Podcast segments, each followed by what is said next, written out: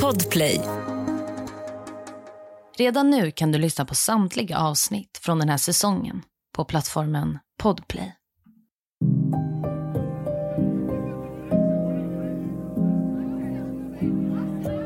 Det är påskdagen, den 10 april 1955. David Blakely befinner sig på puben Magdala Tavern i norra London, England. När han lämnar puben hör han plötsligt en hög smäll. Han blir rädd och börjar springa. Det smäller till igen. Han förstår inte vad det är som händer. Men snart faller han ihop. Han kollapsar av smärtan. Det smäller till tre gånger till och sen blir allt svart. Du lyssnar på Jakten på mördaren med mig, Saga Springhorn. Det här avsnittet är skrivet av Elsa Sandin. Jag vill varna för grovt innehåll.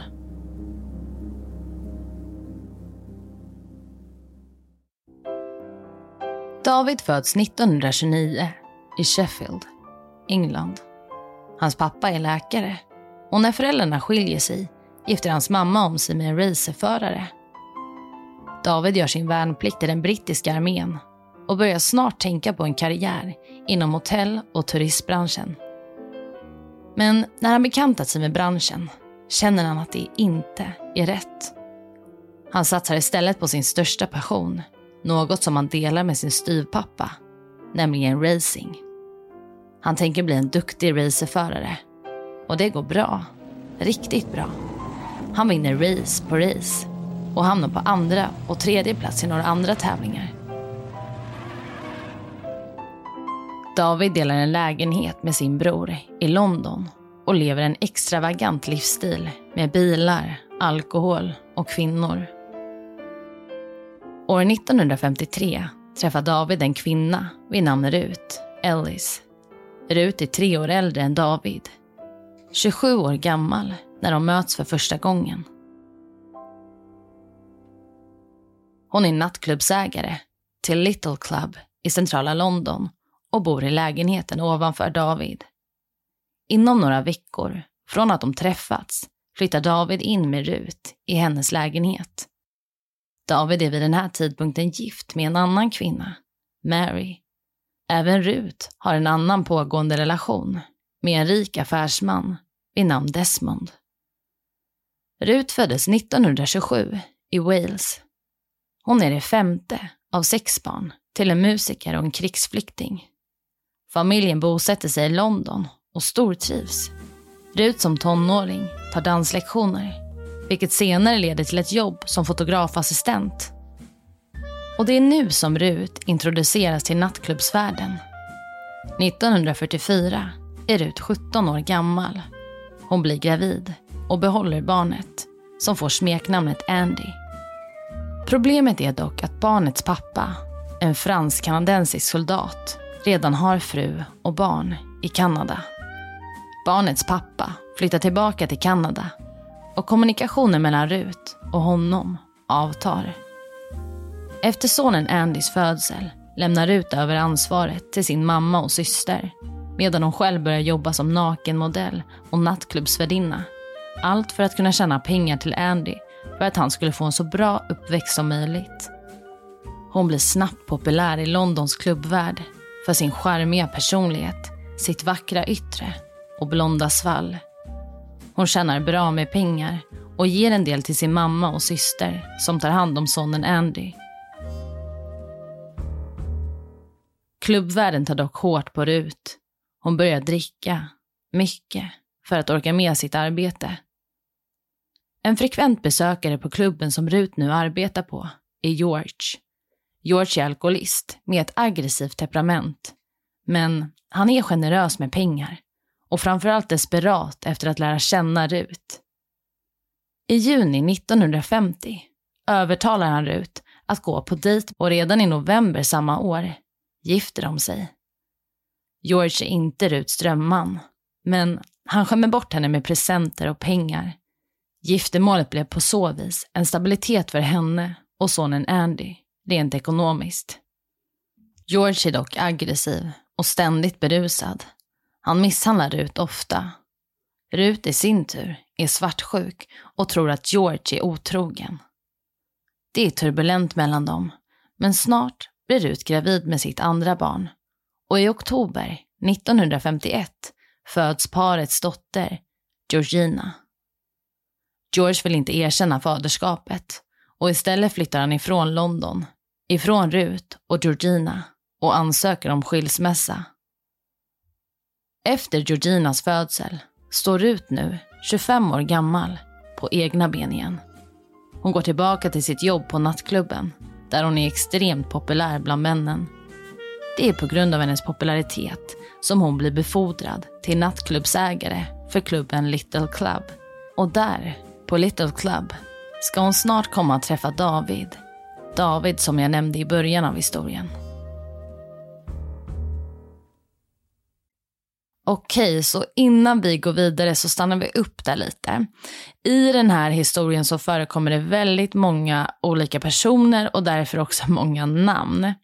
Så för att förtydliga lite så har vi nu lärt känna Rut och David lite kort samt fått ett inslag av George som Rut gifte sig med och får sitt andra barn med.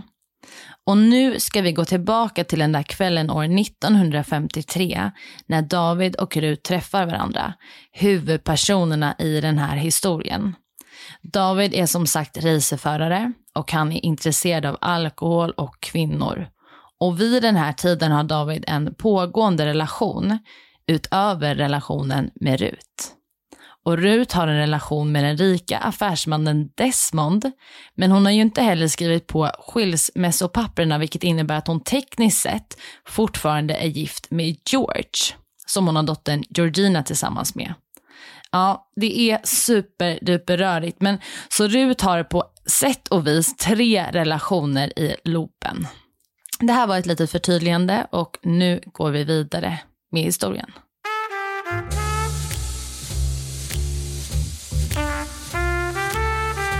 David och Rut inleder nu en relation, trots att de båda har partners vid sidan av. Enligt Rut är relationen med David lik den hon har haft med många andra män. Den är passionerad och eldas på av alkoholmissbruk och våld. Men David är lång och stilig. Hon är djupt förälskad i honom. Och trots våldet och aggressiviteten kan hon inte slita sig ifrån honom. Allt detta medan Desmond den andra mannen i hennes liv är äldre, artig och kan erbjuda pengar och stabilitet. Desmond är hopplöst förälskad i Rut. Men Rut går efter sitt hjärta och väljer relationen med David. Även om Desmond aldrig riktigt försvinner från hennes liv. De fortsätter att hålla kontakten. Samtidigt som Rut bollar två män i sitt liv och David likaså med sin fru och Rut kommer George tillbaka till London. Ruts exman. Det är nu maj 1954 och George mål är att ta med sig parets gemensamma dotter för att kunna adoptera bort henne. Den sista pusselbiten i historien om Rut och David är paret Anthony och Carol. Anthony och David är bästa vänner och har länge arbetat tillsammans med att bygga en racerbil. David intresserar sig snabbt för Anthonys fru, Carol, och de inleder en hemlig affär. Det tar inte lång tid innan både Anthony och Rut får reda på affären. Anthony förlåter sin fru och David och de återgår till relationen som den sett ut tidigare. Rut däremot är inte nöjd. Hon är enormt svartsjuk och upplever dessutom att David har blivit känslokall. Hon är desperat efter hans kärlek och uppmärksamhet.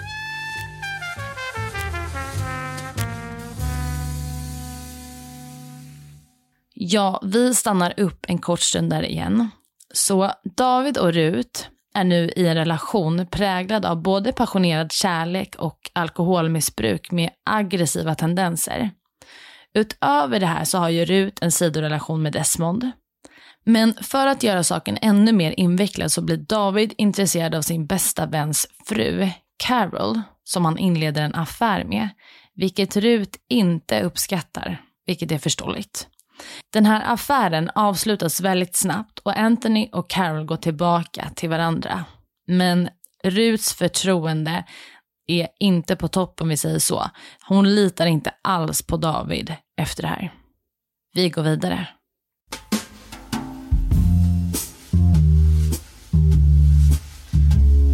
Det börjar gå dåligt för klubben Little Club, vilket leder till att Rut måste sluta.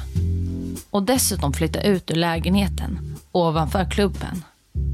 Utöver det har hon nu tagit över ansvaret för sonen Andy, som behöver någonstans att bo. Rut är hemlös. Och det är nu den rika affärsmannen Desmond kommer tillbaka in i bilden. Desmond erbjuder Rut och Andy att flytta in till sig, vilket Rut tacksamt tar emot. Under den här tiden fortsätter Rut och Davids relation, och möjligen ännu mer våldsam än tidigare. Båda är alkoholister med svartsjukeproblematik. När Rut flyttar in med Desmond är hon ovetandes om att hon bär på Davids barn. David är rasande över att Rut flyttat in hos Desmond. Men samtidigt har han inget annat att erbjuda, så Rut har inget alternativ. Hon försäkrar David om att hon och Desmond bara är vänner och att de inte har någon sexuell relation. Till Desmond berättar hon inte när hon smyger ut för att träffa David på det lokala hotellet. Relationen de tre emellan är minst sagt komplicerad och grundar sig på lögner. Den 6 februari 1955 är Desmond bortrest, så Rut har bjudit över David till lägenheten. En kort stund senare ringer David till några vänner och berättar att Rut har försökt knivhugga honom. Vännerna anländer snabbt till lägenheten där de möter en blåslagen och haltande Rut och en likaså haltande David. Rut är i upplösningstillstånd och vägrar låta David lämna lägenheten. När han trots det lyckats lämna lägenheten hör hon inte ifrån honom på över en hel dag. Rut är desperat och paranoid. Hon bestämmer sig för att åka runt i London och söka efter några kvinnor som David tidigare varit med. Hon var säker på att han var otrogen mot henne just precis nu. Relationen mellan David och Rut fortsätter på samma sätt. Den präglas av svartsjuka, våld och alkohol.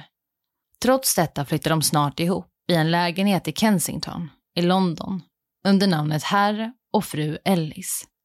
Rut spenderar dock fortfarande tid hos Desmond, särskilt när bråken med David blir för mycket.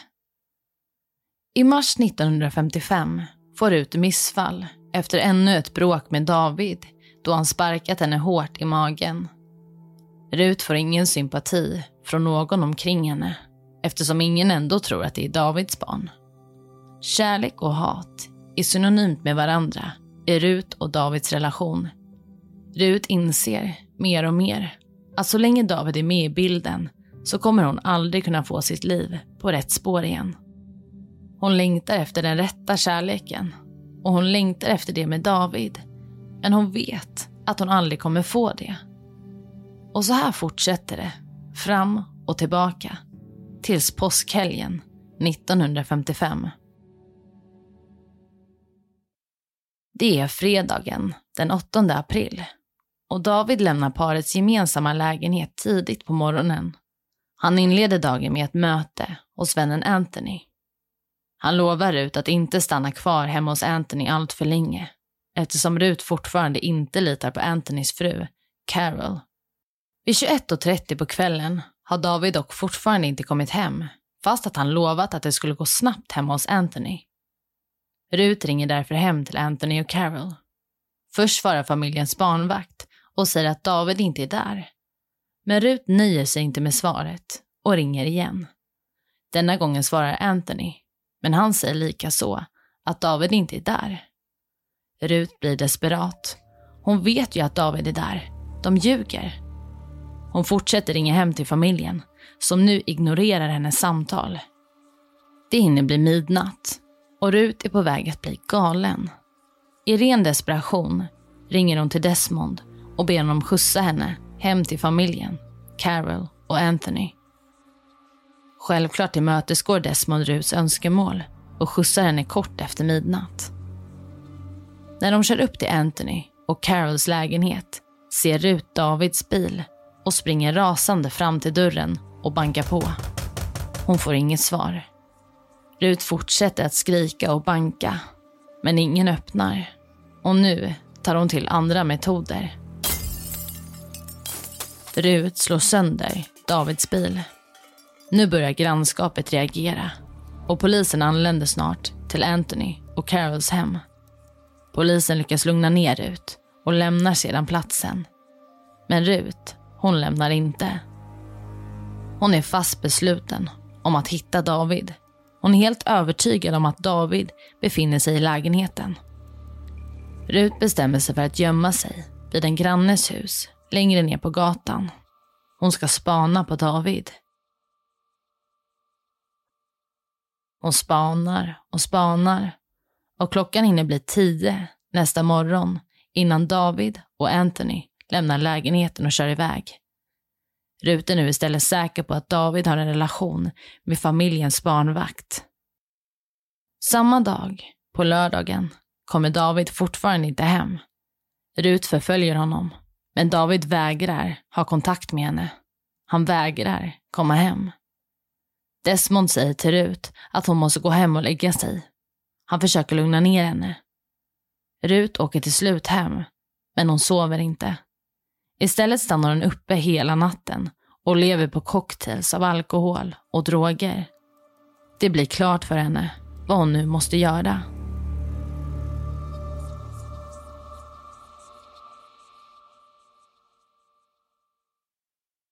David är kvar hos Anthony och Carol. Det är nu påskdagen, den 10 april 1955. Klockan är cirka 20.45 på kvällen och Carol har slut på cigaretter. David erbjuder sig att gå och handla åt henne och en vän som de alla mött upp tidigare under påskhelgen följer med.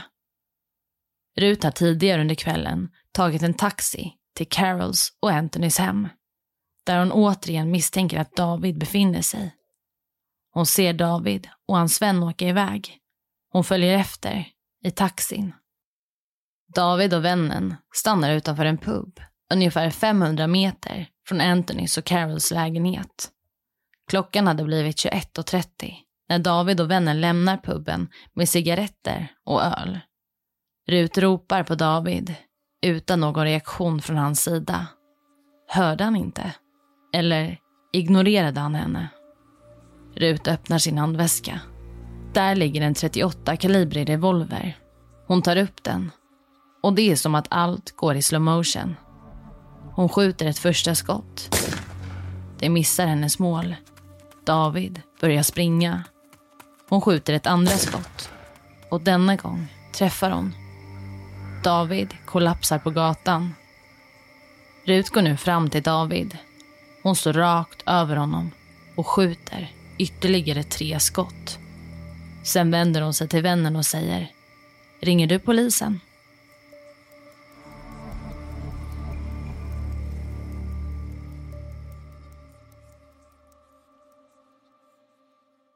Och där stannar vi upp. Ja, vad ska man säga? En mycket turbulent relation eh, präglad av alkohol, våld och otrohet från båda sidor. Det som Rut inte vet då är att hon ska bli en historisk figur i Storbritanniens historia. Hon grips omgående på platsen av en polisman som har suttit på puben och sett hela händelseförloppet. Rut vänder sig till polismannen och säger samma sak som hon sagt till Davids vän. Ringer du polisen? Mannen svarar då, jag är polis. Rut säger då, bra, kan du arrestera mig? Jag är skyldig, jag är lite förvirrad. Samtidigt tas David till sjukhuset med dödliga skador på lever, lungor, luftrör och så vidare. Han förklaras död när han anländer till sjukhuset. Rut tas med till närmsta polisstation, bara tio minuter ifrån puben. Hon är lugn och redogör för händelseförloppet och erkänner brottet. Vid lunchtid dagen efter den 11 april 1955 så blir Rut officiellt åtalad för mordet på David. Hon tas därefter till ett närliggande fängelse i väntan på rättegång. Under den här tiden så undersöks hon för sinnessjukdomar och eventuella hjärnskador. Men psykiatriker och läkare finner inga bevis på att hon lider av varken hjärnskador, hallucinationer eller någon annan typ av mental sjukdom. Det blir den 20 juni och det är dags för rättegång. Vad var egentligen Ruts motiv för mordet? Fick hon hjälp att fixa en pistol? Vad blir domen? Ja, vi lyssnar vidare. Rut stiger in i rättssalen. Det är en varm och solig måndag i juni och hon är lika vacker som alltid. Hon är klädd i en kostym, helt i svart, med en vit silkesblus och nyblekt hår. Det finns inga tvivel om vad Rut har gjort och att hon är skyldig till brottet hon anklagas för. Hon hade aldrig tidigare hävdat något annat. Men nu hävdar hon plötsligt sin oskyldighet. Hon börjar berätta för juryn, domaren, åklagaren och advokaterna. Hon berättar att David brukade slå henne, men skyddar honom samtidigt genom att säga att han bara brukade slå henne med knytnäve eller händer och att hon lätt får blåmärken. Hon beskriver missfallet och hur David ska ha sparkat henne i magen. Men skyddar David genom att säga att hon trots allt inte var säker på att det var den där sparken som gjorde att hon fick missfall. Det kunde ju ha varit något annat. Åklagaren får ordet. Han frågar ut. Fru Ellis, när du avfyrade revolven på nära håll, rakt in i Davids kropp, vad var din avsikt? Det blir tyst och alla inväntar att Rut ska säga att det var ett misstag. Att hon givetvis inte menat det. Men Rut svarar kort. Det är uppenbart att när jag sköt honom så var min avsikt att döda honom. Nu försöker Ruts advokater komma med en historia som ska rädda hela situationen. De beskriver hur hon totalt slukades av svartsjukan, att hon inte var vid sitt rätta sinne vid mordet och att det givetvis inte varit planerat utan att hon istället borde dömas för dråp, alltså den mindre allvarliga graden av mord på grund av omständigheterna. Men domaren dömer mot försvarssidan och tar upp Ruts undersökningar som hade kommit fram till att hon inte led av någon mental sjukdom eller hjärnskada som skulle påverka henne vid tiden för brottet. Rättegången fortsätter därefter i en och en halv dag innan juryn träffas för att besluta om Ruts dom. Det tar dem 23 minuter att bestämma sig. Rut är skyldig och hon ska dömas till döden för mordet på David. Hon har 24 dagar kvar i livet. Rut skickas tillbaka till fängelset i väntan på sin avrättning. Men domen väcker ett massivt offentligt ramaskri där över 50 000 personer skriver på en ansökan om att dra tillbaka Ruts avrättning. Att kvinnor avrättades i Storbritannien under 1900-talet var väldigt ovanligt.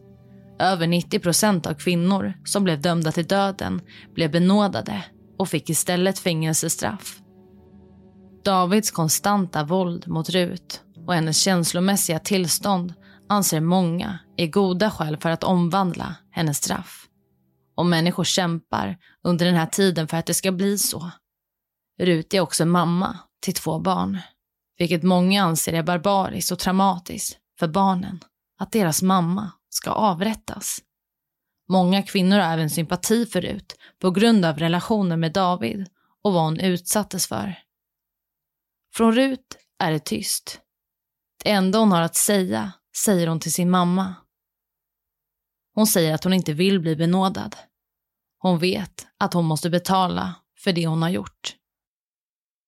24 dagar går snabbt och det blir morgon den 13 juli 1955. Rut vaknar tidigt på morgonen och sätter sig för att skriva avskedsbrev till sina nära och kära. I ett brev till Davids mamma skriver hon.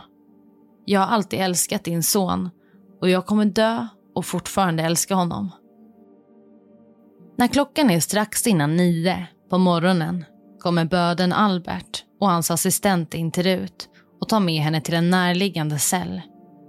Albert placerar en vit luva över Rut, trär snaran över henne och drar i spaken. Rut Ellis, 28 år gammal, dör där och då.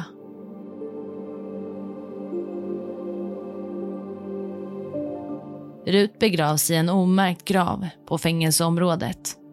Några år senare kommer Ruts son, Andy, och får sin mammas kvarlevor uppgrävda så att hon kan begravas på en riktig kyrkogård. Rut begravs under namnet Rut Hornby, hennes pappas barndomsnamn.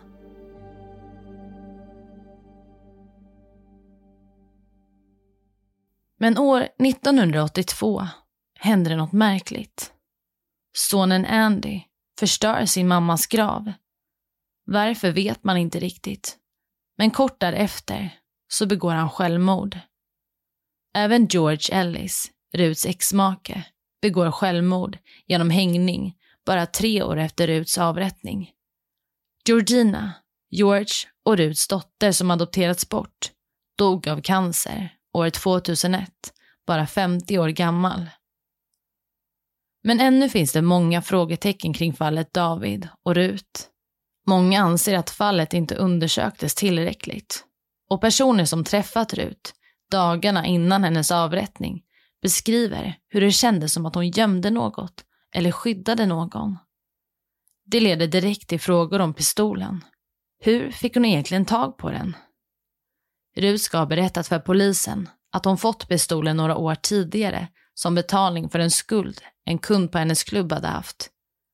Det finns inget sätt att varken bevisa eller motbevisa det. Men vänner och familj till Rut beskriver hur de aldrig varken hört henne prata om en pistol eller själva sett den.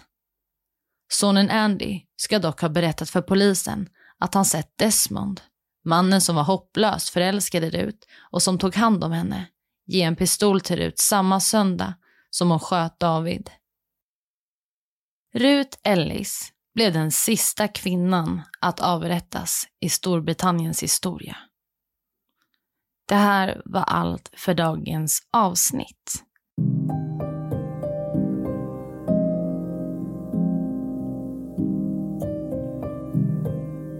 Vill du komma i kontakt med mig så kan du skriva till mig på Instagram där jag heter Saga Springkorn eller mejla till jaktenpamordaren springkorn.se. Tack för att du har lyssnat.